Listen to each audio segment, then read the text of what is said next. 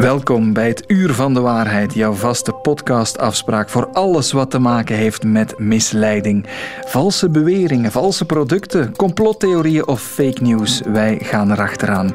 Deze week bijvoorbeeld. Klopt het bericht dat wij voor 50% ons DNA delen met een banaan? Wel, ik ga niet afkloppen op het percentage, maar ja, we zitten er toch wel dichtbij. Hebben klimaatceptici gelijk als ze zeggen het was warmer in de middeleeuwen en dat zonder industrie van de mens? In Keulen is er zo'n heel mooie beschrijving in de 13e eeuw hoe goed de olijven het in Keulen doen. Een mediterrane vrucht. En hoe lopen we in de Lego-val van de Millennium Falcon uit Star Wars? Welkom. De Waarheid. Met Dennis van den Buis. Het was een zinnetje dat onze aandacht heeft getrokken in een uh, opiniestuk, in een column van theatermaakster Rebecca de Wit in de Standaard. Het ging over ons en over een banaan. Namelijk, wij delen 50% van ons DNA met een banaan. Klopt dat wel, vroegen wij ons af. Genetica Sonja van Doren van het UZ Brussel is bij ons. Goedemorgen, Sonja. Hallo. Is dat waar? Delen wij zoveel DNA met een simpele banaan? Ja, wij delen veel DNA met een simpele banaan, inderdaad. 50 procent? Wel, ik ga niet afkloppen op het percentage, maar ja, we zitten er toch wel dichtbij. Ja, hoe kan dat? Want een banaan en een mens, wij verschillen toch heel veel, zou ik denken. Ja, maar anderzijds zijn er toch ook een aantal zaken die um, echt zeer gelijkend zijn. Als we kijken naar um, planten, of het nu een banaan is of andere planten, en wij als mensen of dieren, dan zien we dat er eigenlijk vooral het DNA dat instaat um, voor genen die, die instaan voor, voor huishoudgenen, noemen we dat, die instaan voor de controle van de cel, een cel die vermenigvuldigd wordt en dergelijke, dan zijn dat eigenlijk um, de items die overeenkomen tussen een banaan en de mens. Ja, en zou dat dan ook gelden voor een appel en een ananas? Of een, of een, een, een plant die bij ons in de tuin staat of op, op de vensterbank? Dat is allemaal hetzelfde van basis dan eigenlijk? Dat is allemaal hetzelfde. Ja, het gaat echt over die huishoudgenen. Dat is typisch... Um, als je helemaal teruggaat naar het begin van het ontstaan van de aarde, dan waren de eerste levende organismen eencellige organismen. En het is eigenlijk die functies binnen die organismen, die eencellen, die um, ja, geconserveerd, dus bewaard gebleven zijn in het functioneren van alle levende organismen op aarde, ja. zij het nu planten of dieren. Ja, dat wil zeggen dat ons genetisch materiaal toch voor 50% hetzelfde is. Uh, zullen we er nog eens een, een, een ander organisme bijhalen, een vogel of een kip? Hoeveel delen we daarmee? Ja, daar delen we meer mee. Dus hoe dichter dat je in de tree of life, dus de stamboom van het leven, uh, bij de mens komt, hoe meer DNA dat je eigenlijk um, gemeenschappelijk hebt. Uh, als je kijkt naar de kip bijvoorbeeld, dan is het heel duidelijk dat er bepaalde genen in het DNA instaan voor de aanmaak bij kippen van ijsschaal of uh, de beenderen van een kip. Als je dan kijkt, die genen die komen heel veel overeen met genen die uh, instaan bij de mensen voor de bot, aanmaak van bot, de verkalking van het bot. Dus er zijn wel echt gelijkenissen. Ja. En uh, geldt dat ook omgekeerd? Of zijn er van die rare uitzonderingen? Zijn er insecten waar we meer mee gemeen hebben dan met kippen? Of totaal niet? Nee, niet dat we meer gemeen hebben, maar het is wel goed dat je dat aangeeft. Want insecten, daar bijvoorbeeld de fruitvlieg, is een veel onderzochte um, species. Hè, dus een, um, in, in onze omgeving. Het is eigenlijk zo dat de fruitvlieg enorm bestudeerd is omdat ze heel gemakkelijk vermenigvuldigt, maar ook um, heel wat gemeenschappelijk heeft in genen die instaan voor de groei en ontwikkeling, evenzeer als een zebravis. En dus die beide modellen worden heel veel gebruikt voor het bestuderen van ziekte in de mens, als een dierenmodel. En plak daar eens een percentage op, de mens en de fruitvlieg, hoeveel delen we daar dan mee? Dat gaat rond de 60% zijn, 50, 60%. Ja. Uh, ja. Eigenlijk zit daar heel weinig verschil op dan met een kip. Wat, wat maakt het laatste verschil, bijvoorbeeld richting de chimpansee of de bonobo? Wat, wat, waar zit dat, die laatste 20, 30%? Wel, met een chimpansee delen we um, heel veel meer. Hè. Daar zitten we rond de percentages van 96%. Um, een chimpansee is heel dicht bij ons verwant, nog, de bonobo nog meer. En daar zie je eigenlijk um, dat de verschillen, allee, laten we zeggen, het is nog tot op heden is het heel moeilijk om te identificeren welke verschillen juist maken dat wij mensen de menselijke identiteit hebben ten opzichte van uh, mensapen. Ehm, maar ja, dus meer dan 96% van het DNA is identiek. Mhm. De verschillen zitten hem in uh, bepaalde genen die toch ehm, ja, waarschijnlijk meer te maken hebben met veranderingen die ehm, de werking van ons brein um, vormgeven. Hè. En ook uh, in, in genen of, of regel, laten we zeggen, stukjes in ons DNA die instaan voor de regulatie van die genen. Ja, is het dan ook een vaststelling dat ons uiterlijk en hoe een chimpansee eruit ziet, of een mens of een kip, dat dat maar een zeer klein deel is van het DNA, als er zo'n grote gelijkenis is? Ja, als we kijken, mensen onder elkaar, dan zitten we ongeveer aan een 0,1 eh, tot 3 procent verschil. Waarom zeg ik dat op die manier? Als je het in zijn totaliteit bekijkt, dan komen we zeker aan de 3%, maar je hebt verschillende vormen van variaties in je DNA. Als het gaat over maar één verschil van op één positie, één bouwsteen in je DNA, dan verschillen mensen onderling iets van een 0,1%. Ja. Maar er zijn ook andere type variaties um, die voorkomen bij mensen. En dat zijn dan stukjes die weg zijn, dat noemen we delesies, of stukjes die toegevoegd zijn, dat noemen we inserties. Of stukjes die uh, op een andere locatie in ons genoom zijn gekomen, dan, uh, dan komen we bij de 3%. Ja, dus dat is eigenlijk echt verwaarloosbaar tussen mensen, maar dan ook tussen mensen en chimpansees eigenlijk. Er zit, het is niet ons DNA dat heel veel daarin bepaalt, of dat een heel groot deel van ons DNA opneemt of inneemt. Nee, dus daar tussen de mensen en de chimpansees zitten we voor die type varianten tussen de 5 à 6 procent. Ja. Dus eigenlijk kan je met van die platte vergelijkingen heel veel zeggen. Van je bent zoveel procent een os of een olifant of een cactus, al naar gelang je humeur. Je bent altijd juist eigenlijk. Ja, maar het is ook zo, dus je vroeg daarnet ook hoeveel we uh, lijken op een banaan, hoe verder we in die um, tree of life van elkaar verwijderd zijn, dus in, die, in evolutionair, hoe moeilijker het ook is om daar echt een percentage op te plakken. Want wat dat je eigenlijk doet, is u het genoom van de mens gaan vergelijken en, en dus echt aligneren, noemen wij dat, gaan vergelijken met het genoom van een ander species en hoe verder uh, we van elkaar evolutionair verwijderd zijn, hoe moeilijker dat dat wordt. En vandaar ook dat het niet zo eenvoudig is om daar een exact percentage op te plakken. Nee, nee. Oké, want, want hoe, hoe meten we dat eigenlijk? Wat neem je van een banaan en van een mens om dat naast elkaar te leggen? Ja, de bouwstenen uh, van ons DNA die zitten in de kern van een cel. En um, we hebben eigenlijk maar vier bouwstenen van ons DNA, maar ons DNA is bijzonder lang. Dat is 6,7 ehm, giga bazen, dus bouwstenen lang. Dus gigabouwstenen is ons eh, DNA lang. En um, wat er eigenlijk gebeurt is dat je dit DNA volledig in kaart brengt, wat zeker mogelijk is met de nieuwste technieken um, in wat wij noemen sequencing, dus de sequentie, de opeenvolging van die bouwstenen te bepalen. En dan ga je het, het genoom van een mens gaan sequeneren, dus de sequentie bepalen en dan doe je hetzelfde voor een ander species, dus een chimpansee of een... En dan ga je met bioinformatica technieken, um, dus eigenlijk IT-gewijs, de twee genomen met elkaar gaan vergelijken. En zo kan je een percentage daarop plakken. Ja, miljoenen bouwstenen met elkaar vergelijken om dan tot de slotsom te komen dat die uitspraak eigenlijk klopt in die column, dat we grofweg voor 50% het DNA hebben van een banaan of delen. Uh, dat hebben we dan toch goed gedaan, samen als twee mensen die de helft van ons DNA met een banaan delen, dit gesprek.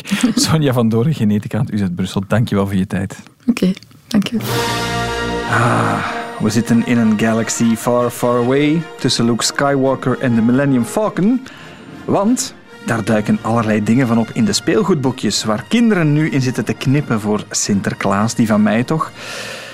Maar, maar, maar, we kregen daar ook tips of verontrustende verhalen over binnen van luisteraars. Collega Dorien van Mellert is hier. Dorien, een hele goede morgen. Oei.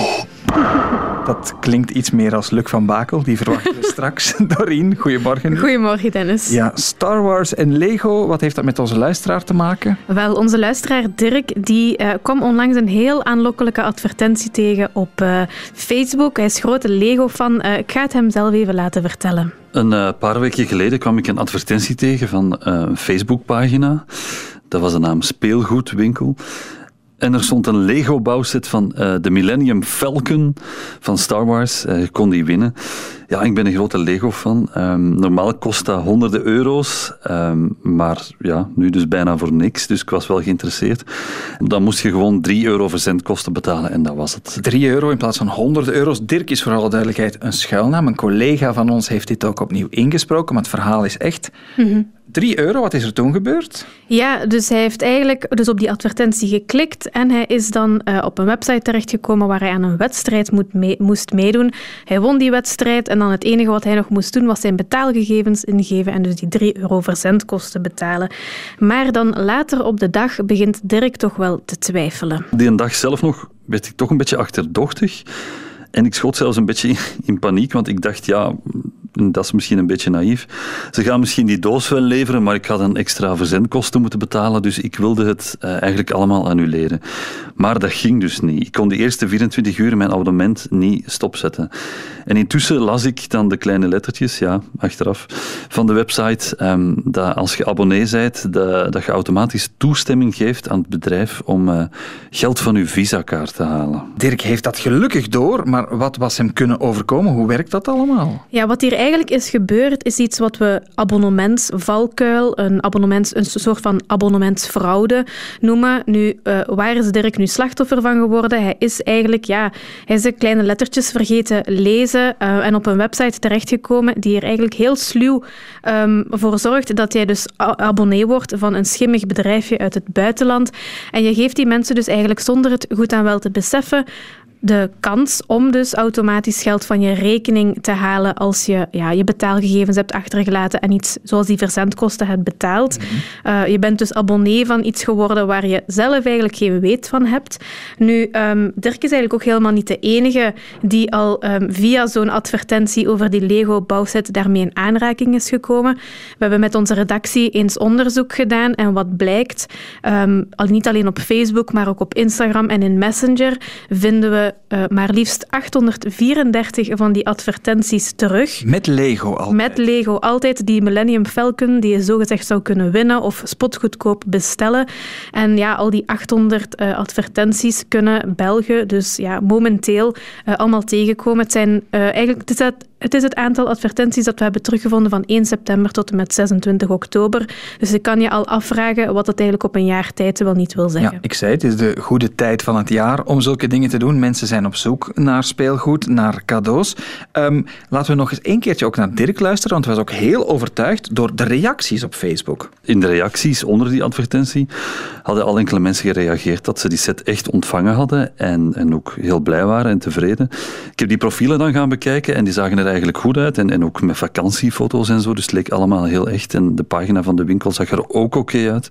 Um, dus ja, het zag er allemaal goed uit. Dus ik heb dan maar op de knop gedrukt om mee te doen. Ja, dat gaat toch ver, Doreen? Dat zijn dan zogezegd echte mensen die zeggen: wij hebben dat pakket gekregen. Ja, maar het zijn dus eigenlijk foto's vaak van echte mensen, mensen die echt bestaan. Maar um, de naam die dan bij dat profiel hoort, is, is, eigenlijk niet de naam van de mensen die we op de foto zien. We zijn een paar van die accounts gaan onderzoeken en zo heb ik bijvoorbeeld gevonden dat een zekere Daniel uh, eigenlijk helemaal niet Daniel is, maar het blijkt dan een Schotse acteur te zijn van een Netflix-serie, um, maar die dan toch plots opeens onder die advertentie beweert dat hij dat bouwset heeft ontvangen. Want dan, dan hebben die oplichters een, een legertje valse mensen klaarstaan altijd, ja. om, om te laten reageren onder die advertenties. Het is eigenlijk een netwerk van valse profielen dat zij zelf gemaakt hebben en eigenlijk per advertentie um, die profielen eigenlijk op dezelfde wijze laten ja. reageren, met elkaar in interactie gaan en zo verder. En Dirk zei ook, dat betrouw ik, ben dat zelfs gaan checken, dus ik ga daarop in. Weten we wie daarachter zit? Uh, het, was, het was een Facebookpagina, spelletjes voor je kind. Ja, dus dat is eigenlijk ook nog een heel groot punt. Uh, we zien dat die advertenties door tientallen um, verschillende Facebookpagina's worden verspreid allemaal beweren ze zogezegd een speelgoedwinkel te zijn of een pagina voor, collectors, voor collector items mm -hmm. of zo. Um, maar opnieuw zijn dat ook allemaal valse Facebook-pagina's die dan wel weer gegevens van bestaande bedrijven gebruiken. Zo hebben we bijvoorbeeld een telefoonnummer opgebeld dat bij een bepaalde Facebook-pagina stond en kwamen we toch niet bij een speelgoedwinkel uit, maar bij een strandbar in Blankenbergen. Het is mijn derde telefoon, alleen mijn derde berichtje eigenlijk, in verband met een pakketje Um, ja, ik kan er helemaal niks tegen doen. Ik, ik, heb, ik heb, het profiel wel um, gerapporteerd, maar ik denk met mijn enige rapportering dat er eigenlijk uh, niks van in huis zal komen. En ik heb ook al in het verleden gemerkt dat er veel scammers zitten op mijn pagina zelf als ik een actie doe. En daaruit zal waarschijnlijk ook mijn nummer dan genoemd zijn geweest. Uitbater Jonathan legt uit dat, hij, dat wij dus niet de eerste zijn die hem bellen om geld terug te vragen. Uh, want, want ja, Dirk, is, is hij dan veel geld kwijtgeraakt aan dat abonnement? Wel, Dirk is eigenlijk heel slim geweest. Um, hij had eigenlijk gelukkig de dag zelf nog door dat hij dus uh, abonnee was geworden van zo'n schimmige praktijk. Van zo'n schimmige praktijk. Mm. Um, en wat heeft hij gedaan? Hij heeft eigenlijk de dag zelf nog naar de fraudedienst van zijn bank gebeld en naar Cardstop gebeld, waardoor eigenlijk zijn kaart geblokkeerd is. Um, en ook uh, eigenlijk alle toekomstige betalingen die dat bedrijf nog zou kunnen uitvoeren op zijn rekening Het gaat wel ver. Hij heeft gewoon zijn bankkaart moeten opzeggen en een nieuwe aanvraag om dit te doen stoppen. Ja, normaal gezien had het ook gewoon geholpen om via de fraudedienst te werken mm -hmm. en dan zijn de toekomstige betalingen te laten blokkeren. Maar hij wilde zeker zijn en heeft dan toch nog Cardstop gebeld. Maar hoeveel geld kan je kwijtraken als je het niet doorhebt? Um, we hebben zelf um, we ook dus die, aan die wedstrijd meegedaan en dan zogezegd moeten betalen. En we zagen dan in de kleine lettertjes dat er dan bijvoorbeeld om de twee weken 70 euro van je rekening zou gehaald worden. Dat is niet min als je dat niet, uh, niet doorhebt. Voilà, ja. Um, wat kan je doen als je, als je dit voor hebt? Of hoe kunnen we niet in de val trappen? Dat is misschien de belangrijkste vraag. Ik denk dat de beste tip die ik kan geven is, um, als je een advertentie ziet voorbij komen van een, ja, een, een, wedstrijd of een actie over een heel duur product dat je opeens zou kunnen winnen of aan een heel lage prijs zou kunnen kopen, pas dan toch op. Um, ga eens um, heel goed kijken wat voor pagina dat, dat wel is, dat die die advertentie verspreidt. Zie je bijvoorbeeld dat die pagina heel weinig volgers of likes heeft, dan is dat eigenlijk vaak een valse pagina. Maar ja, de regel is toch wel Klinkt het te mooi om waar te zijn, dan is het waarschijnlijk ook te mooi om waar te zijn. Dus pas best op. Pas ja. best op. Ja, wat zeggen de bedrijven die hier ook bij betrokken zijn? Lego, om maar eentje te noemen. Facebook, die dat allemaal laat verspreiden. Wat is hun reactie op dit verhaal? Wel, uh, Lego laat ons weten dat ze inderdaad al maanden op de hoogte zijn dat dit speelt. En ze proberen ook in samenwerking met Meta bijvoorbeeld die advertenties te verwijderen. Maar ze moeten wel vaststellen dat die oplichters keer op keer opnieuw proberen om hun producten te gebruiken voor hun scams. Uh, Meta zelf, dus het uh, bedrijf Moederbedrijf achter... van Facebook, ja? Ja, die heb ik ook gecontacteerd en die bevestigen ook van ja, kijk, dit kan inderdaad eigenlijk niet op onze kanalen.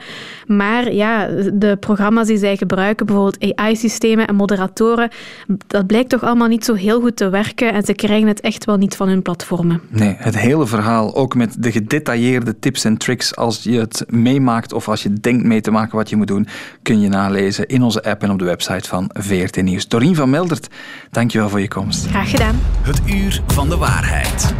De VRT Nieuwscheck. Ook bij de start van de herfstvakantie is onze chef fact-checking van de VRT Nieuwsredactie paraat. Luc van Bakel, goedemorgen. Goedemorgen, Dennis. We blijven vragen krijgen over het conflict Israël-Hamas. Vertel eens. Wel, we kregen van heel veel mensen de opmerking dat wanneer ze zaken op YouTube opzoeken over gelijk welk onderwerp, of ze nu een nieuw muziekinstrument zochten of kinderfilmpjes wilden bekijken, dat ze soms eerst een soort van reclamefilmpje kregen dat afkomstig leek van Israël. En ze stelden zich de vraag van ja, is dit nu echt? Ik heb een paar voorbeelden bijgenomen. Dit is al een kort fragmentje. Over 200 babies, children and families were kidnapped by Hamas. What if it was your loved ones? Stand with Israel. Ja, wat als jouw gezinsleden gegijzeld zouden worden? Dit gaat over die Israëlische gijzelaars Klopt. door Hamas. Zijn er nog voorbeelden? Ja, dit is nog een ander voorbeeld. Het is iets langer uh, en dat ging midden oktober rond. Hamas declared war against Israel. Armed Hamas terrorists infiltrated into Israel via a ground invasion and started going door to door slaughtering innocent Israelis. Hundreds of Israeli civilians, including children and women, have been killed or injured and Israeli hostages have been taken. This is a war, and Israel will take every measure necessary to protect our citizens against these barbaric terrorists. Israël zal alles doen om zijn burgers tegen die barbaarse terroristen te verdedigen. In Engels, dat zie je dus als je van alles en nog wat opzoekt op YouTube, is de vraag van onze luisteraars. heeft dat te maken met de Israëlische overheid. Is Israël de maker en verspreider hiervan, Luc? Ja, dat is zo. Het gaat om gekochte advertenties door het Israëlische ministerie van Buitenlandse Zaken. En meestal gaan ze dus over het aantal slachtoffers dat er al in het conflict is gevallen of over de vele gijzelaars die genomen zijn, zegt Ellen de Bakker van onze checkredactie. Eigenlijk probeert Israël de sociale media te overspoelen met advertenties in de hoop de opinie over het conflict te sturen. En bijvoorbeeld voor België, daar zien we zo'n video's voor het eerst opduiken vanaf 8 oktober, dus de dag na de aanval. En tot op vandaag zien we dat er 30 video's verspreid werden, waarvan sommige tot 26 oktober zeker nog bekeken werden. Nu, voor de duidelijkheid, het gebeurt niet enkel in België en zijn vooral de westerse landen het doelpubliek. Ja, heel goed samengevat. Komt dit van de Israëlische overheid, die filmpjes en die advertenties? Jawel, dat klopt. Sommige mensen noemen dat propaganda. Luc, het is toch een heel dunne lijn. Kan dat allemaal? Ja, dat is inderdaad een dunne lijn, dat heb je mooi gezegd. De filmpjes staan er alleszins al een hele tijd op, in heel Europa, zoals Ellen ook zei. Dus er wordt niet echt tegen opgetreden. We weten wel dat Google in het verleden al filmpjes heeft laten verwijderen van Israël, maar dat was dan specifiek omdat er heel expliciete beelden in zaten en dat mag eh, niet. Nu zitten daar niet zo'n expliciete beelden in, dus deze blijven staan. Google heeft ook laten weten ze het geval per geval willen bekijken of het in strijd is met hun gebruiksvoorwaarden. We hebben het ook nog eens aan Google België gevraagd, maar daar hebben we voorlopig nog geen uh, antwoord gekregen. Wordt vervolgd, maar een mooie factcheck inderdaad over die filmpjes. Iets heel anders, we gaan de lucht in, we gaan een vliegtuig opstappen. We doen dat niet alleen, we nemen ook een vrouw mee die de pil neemt, de anticonceptiepil, want wordt er beweerd, de combinatie van beide zou heel gevaarlijk zijn. Ja, op TikTok uh, gaat een video rond van een man en een vrouw ze zitten duidelijk op een passagiersvliegtuig.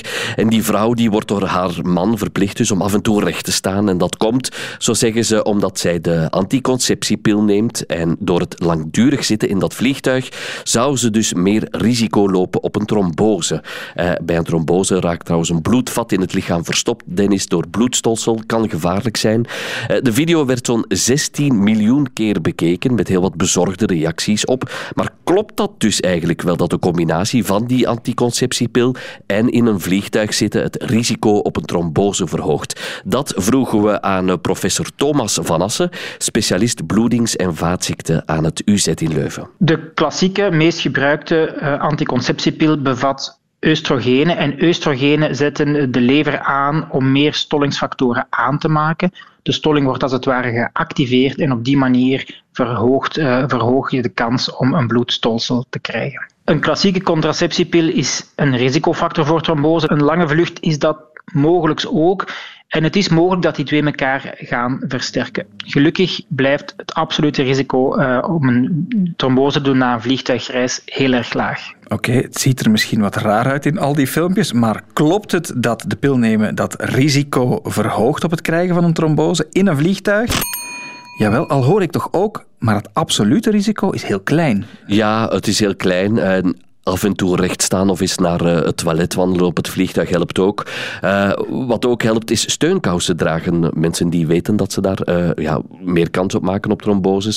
Het geldt trouwens ook voor mannen.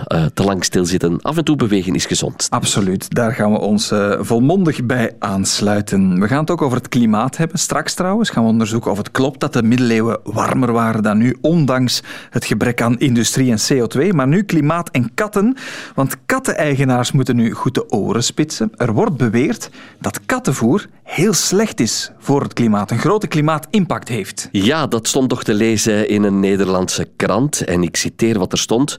Alleen al de productie van kattenvoer stoot meer CO2 uit dan heel Nieuw-Zeeland straffe uitspraak, ja. vonden wij. Uh, maar is dat nu echt zo erg gesteld met al dat kattenvoer? Dat vroegen we aan Stefanie van den Broek van Knak. Het klopt inderdaad. Dus wetenschappers hebben onderzocht hoeveel katten gemiddeld eten en wat er in hun voeding zit. Daar zit heel veel vlees in. En daardoor hebben katten een hoge ecologische pootafdruk. Die blijkt dus inderdaad groter te zijn dan uh, Nieuw-Zeeland. Uh, nu, Nieuw-Zeeland is een heel dun bevolkt land, dus die hebben niet zo'n grote CO2-uitstoot. En bovendien zit er in kattenvoer vaak uh, slachtafval. Ehm, en dat is eigenlijk wel een duurzame manier om vlees te gebruiken. Dus dat zijn toch enkele nuances. Wat een mooi woord. De pootafdruk, de klimaatafdruk van een kat. Maar heel dat verhaal dat kattenvoer meer CO2 uitstoot dan heel Nieuw-Zeeland samen. Dat klopt dus, Luc. Ja, trouwens nog een weetje. Uh, katten, uh, Dennis, die verorberen wereldwijd 1,2% van de veestapel. Dus mochten alle katten ter wereld veganistisch worden, dan zouden er jaarlijks 900 miljoen dieren minder sterven, blijkt uit die factcheck van ja, nog. mooie cijfers, maar is dat haalbaar om katten veganistisch te laten eten, allemaal? Wel, er bestaat wel zoiets als veganistisch kattenvoer. Alleen, een kat is nu helemaal ja, 100% carnivoor, dus je moet heel veel additieven toevoegen. Dus eigenlijk is dat uh, niet te doen. Als je nu echt een huisdier wilt dat geen vlees eet, Dennis, weet je wat je dan beter neemt? Een wandelende tak? Ja, dat is ook een heel goed voorbeeld, maar nog beter, uh, Dennis, een konijn. Want in voeder voor een konijn zitten alleen maar plantaardige dingen. En dat eet van nature ook sla, denk ik, en wortels. Uh, Luc, ik heb heel veel specialismen in jou al mogen ontdekken, maar de klimaatimpact van huisdieren, je blijft verbazen. Waar kunnen we het allemaal nalezen? Dat kan op de pagina van checkers.be. Daar vind je zoals altijd alle factchecks terug van VRT Nieuws, maar ook van Factcheck Vlaanderen en van KNAK. Dankjewel, Luc. Graag gedaan, tot volgende week. In de middeleeuwen moet het veel warmer geweest zijn, misschien wel warmer dan nu, of toch warmer dan we denken. Het is een argument dat je heel vaak tegenkomt in discussies op sociale media als het gaat over ons klimaat en het veranderend klimaat. Ik citeer er hier een aantal van Wim 04789402 op Twitter, X zoals dat tegenwoordig heet. We hoeven niet bang te zijn, klimaat gaat al miljoenen jaren zijn gang. In andere periodes was er veel meer CO2 in de atmosfeer. De middeleeuwen, toen was het warmer dan nu. Ook toen was het warmer dan nu, zegt iemand anders, Danny. Het klimaat is natuurgebonden, heeft geen thermostaat die je even kan bijregelen. En toch gaat men de werkende mens nu voor dat klimaat miljarden aftroggelen. En ga zo maar door. Wat is daar nu van aan, van het argument van de middeleeuwen? En ook toen was er klimaatverandering. We hebben iemand bij ons die dat helemaal kan uitleggen. Tim Soens, milieuhistoricus aan de Universiteit Antwerpen. Tim, goedemorgen. Goedemorgen. Tim, wat was er met het klimaat aan de hand? Was het warmer in de middeleeuwen dan we nu denken? Voor eens en voor altijd, het was niet warmer in de middeleeuwen dan vandaag. Eigenlijk de hele menselijke geschiedenis van de oude Egypte, de farao's in, in, van de oude dynastie, 3000 jaar voor Christus tot pakweg 1980, leven in een heel stabiel klimaat. Met daarin lichte golfbewegingetjes, periodes, enkele decennia, enkele jaren dat het wat kouder, wat minder uh, koud was. De natuurlijke klimaatverandering, maar qua snelheid en qua orde van grootte is dat onvergelijkbaar met wat er vandaag aan de hand is. Want er zijn van die termen zoals de kleine ijstijd in de middeleeuwen of het middeleeuws klimaatoptimum toen het lekker warm was. Dat heeft dan toch wel even kort altijd bestaan. Heb je van die periodes die je kan duiden? Ja, absoluut. Het grote Even de lange termijn erbij nemen. Sinds ongeveer een 6000 jaar geleden stabiliseert ons klimaat. We komen van de kleine ijstijd, 11.000 jaar geleden. Daarna een periode van heel snelle opwarming, enkele duizenden jaren. En dan, rond 6000, stabiliseert alles en begint het heel langzaam af te koelen. Dus we gaan eigenlijk zachtjes aan met tienden, honderdste van een graad, gaan we altijd kouder en kouder. Uh, en zo komen we in de periode tussen pakweg 1300 1900. Dat is dan wat men de kleine ijstijd noemt. Dan is de gemiddelde temperatuur op het noordelijk halfrond ergens een halve graad kouder dan het langjarig gemiddelde van de 20e eeuw. Dus dat is de orde van grootte waarin we spreken. Maar daarbinnen zijn er dan wel clusters van enkele tientallen jaren, waarin clusters met heel koude winters, ook bij ons, en met doorregende, sombere, grijze zomers. En dat waren clusters die door van jaren die door tijdgenoten als heel slecht, heel koud, heel ja, gevaarlijk zelfs werden aangevoeld. En dat, dat waren is wat ook, ook jaren waarin ja, volledige teelten uh, konden starten of verdwijnen. Hè. Olijven bijvoorbeeld in onze kontrijen. Ja, inderdaad, olijven. Bijvoorbeeld in, in Keulen is er zo'n heel mooie beschrijving in de 13e eeuw hoe goed de olijven het in Keulen doen. Een mediterrane vrucht die het in Keulen heel goed doet. In de 13e eeuw een periode waarin er zo'n 80 jaar lang zonder echt heel koude winter geweest is. Dus dat is dan die warme middeleeuwen waarover men spreekt. Dat kwam voor. Daarna komen we in eeuwen waarin er met een grotere regelmaat terug van die koudere winters zijn, die effectief gevaarlijk zijn voor mediterrane uh, planten als olijf, als, de, als de, de wijndruif ook. Ja, maar zeggen dan klimaatceptici vandaag de dag, het gebeurde al in de middeleeuwen, maar jij zegt heel duidelijk, je kan dat niet vergelijken dan wat er toen gebeurde en wat zich nu ontspint. Wat zijn de grote verschillen? De verschillen zijn snelheid en orde van grootte. Dus we spreken nu al over een klimaatopwarming die naar de anderhalve graad gaat. Dat is buiten de range die men in de historische periode, die laatste 5000 jaar, kent. En ook natuurlijk de, de snelheid van verandering, waar we nu op enkele tientallen jaren die anderhalve graad realiseren dat is du jamais vu. Ook na de laatste ijstijd, dan spreken we over een snelle opwarming, maar dat is een snelheid van 2000 jaar waarin het enkele graden warmer werd. Dat is niet een termijn van jaren. Ja, zullen het jou graag horen zeggen, Tim, en ook zeggen, maar er bestond geen thermometer toen. Met wat kan je dat in godsnaam beweren als het gaat over tienden van een graad?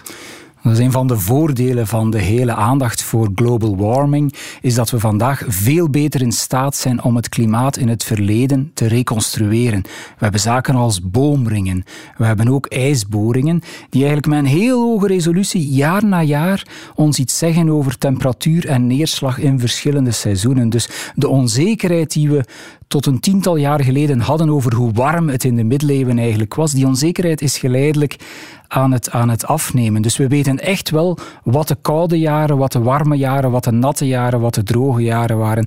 Dat weten we steeds beter. Mhm. Lees de boomringen. En is dat een indicatie of kan je dan echt tot een temperatuur komen? Kan je zeggen, want er is bijvoorbeeld een bron die ik gezien heb, 1481, de vogels vallen dood en bevroren uit de lucht. Kan je dan die temperatuur ook reconstrueren in onze kontrijen? Ja, men noemt dat proxies eigenlijk. Hè. Die, die vogels in die chroniek, dat is een heel goede geschreven proxy eigenlijk. Als je die dan naast die boomringen legt en je gaat dan eigenlijk alle bewijs voor dat jaar samenbrengen en dan ga je in de recentere periode, waarvoor er wel thermometers en barometers zijn, ga je eens kijken bij welke omstandigheden dat soort verschijnselen zich voordoen. Dan kan je die oude bronnen kalibreren, zoals dat heet. Dan kan je die eigenlijk in een vertalen naar graden Celsius en naar moderne wetenschappelijke metingen. Mhm. Ja, wat dan ook vaak naar voren komt in berichten die je leest, is ja, CO2, dat wordt nu toegeschreven aan de industrie. We hebben nog perioden gehad met heel veel CO2 en daar was geen mens of geen industrie te bespeuren. Er was effectief geen mens, inderdaad. We kunnen altijd miljoenen jaren teruggaan naar de tijd van de dino's, toen het pakweg 10 graden warmer was dan vandaag en de CO2-gehalte nog veel hoger was, maar effectief, er was toen geen mens te bespeuren. Ik herhaal het, de hele historische periode, de voorbije 5000 jaar, geologisch, klimatologisch is dat niks natuurlijk, maar die speelt zich af in een heel stabiel klimaat waarin het CO2-gehalte veel lager wordt. En die grenzen, die, die, die veilige marges van stabiliteit, die zijn we nu razendsnel aan het doorbeuken. Ja.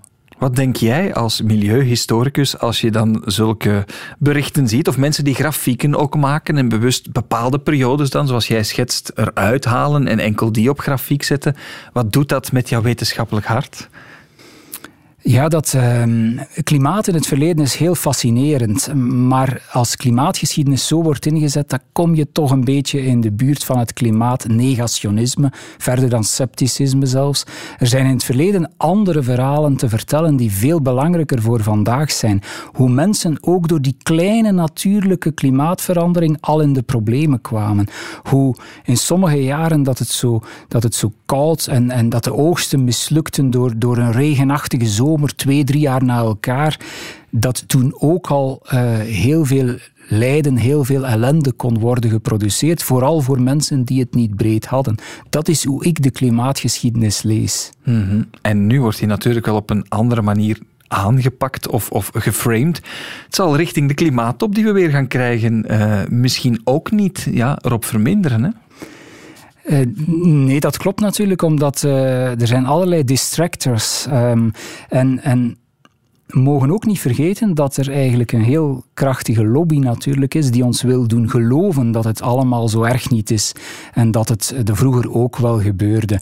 Naomi Oreskes, dat is een Amerikaanse wetenschapper, die heeft dat de merchants of doubt genoemd. De handelaars in twijfel, die gewoon heel voorzichtig het wetenschappelijk bewijs manipuleren en dan inzetten om ons af te raden om fundamenteel onze levensstijl te veranderen en iets te doen aan het heel urgente probleem mhm van de klimaatverandering. Ja, want dat is ook een vaststelling uit jouw onderzoek. Misschien kunnen we vaak nog wel iets leren uit de mensen in het verleden, hoe, hoeveel intelligenter ze eigenlijk omgingen met waar ze gingen wonen, hoe ze het weer en, en ook het klimaat eigenlijk interpreteerden. Hè?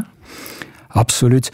Eigenlijk 90% van onze voorouders zijn landbouwers. En landbouwers die leven met het weer. Geen enkele landbouwer zal ooit vergeten hoe belangrijk weersomstandigheden zijn. En als je weet dat er slechte zomers, koude winters komen, dan ga je eigenlijk heel je bedrijf daaraan aanpassen. Dan ga je zorgen dat je niet één teelt zet, dat je veel verschillende gewassen zet. Dat je zowel een aantal gronden hebt die heel nat zijn, als een aantal gronden die heel droog zijn. Je gaat diversifiëren, je gaat bufferen. Dat is eigenlijk de essentie, dat is die oude boerenkennis van klimaat en leefmilieu, die we volledig kwijt zijn, maar die vandaag actueler is dan ooit. En dat zou misschien ook eens uitgelicht mogen worden in al die tweets als het over de middeleeuwen en het klimaat gaat.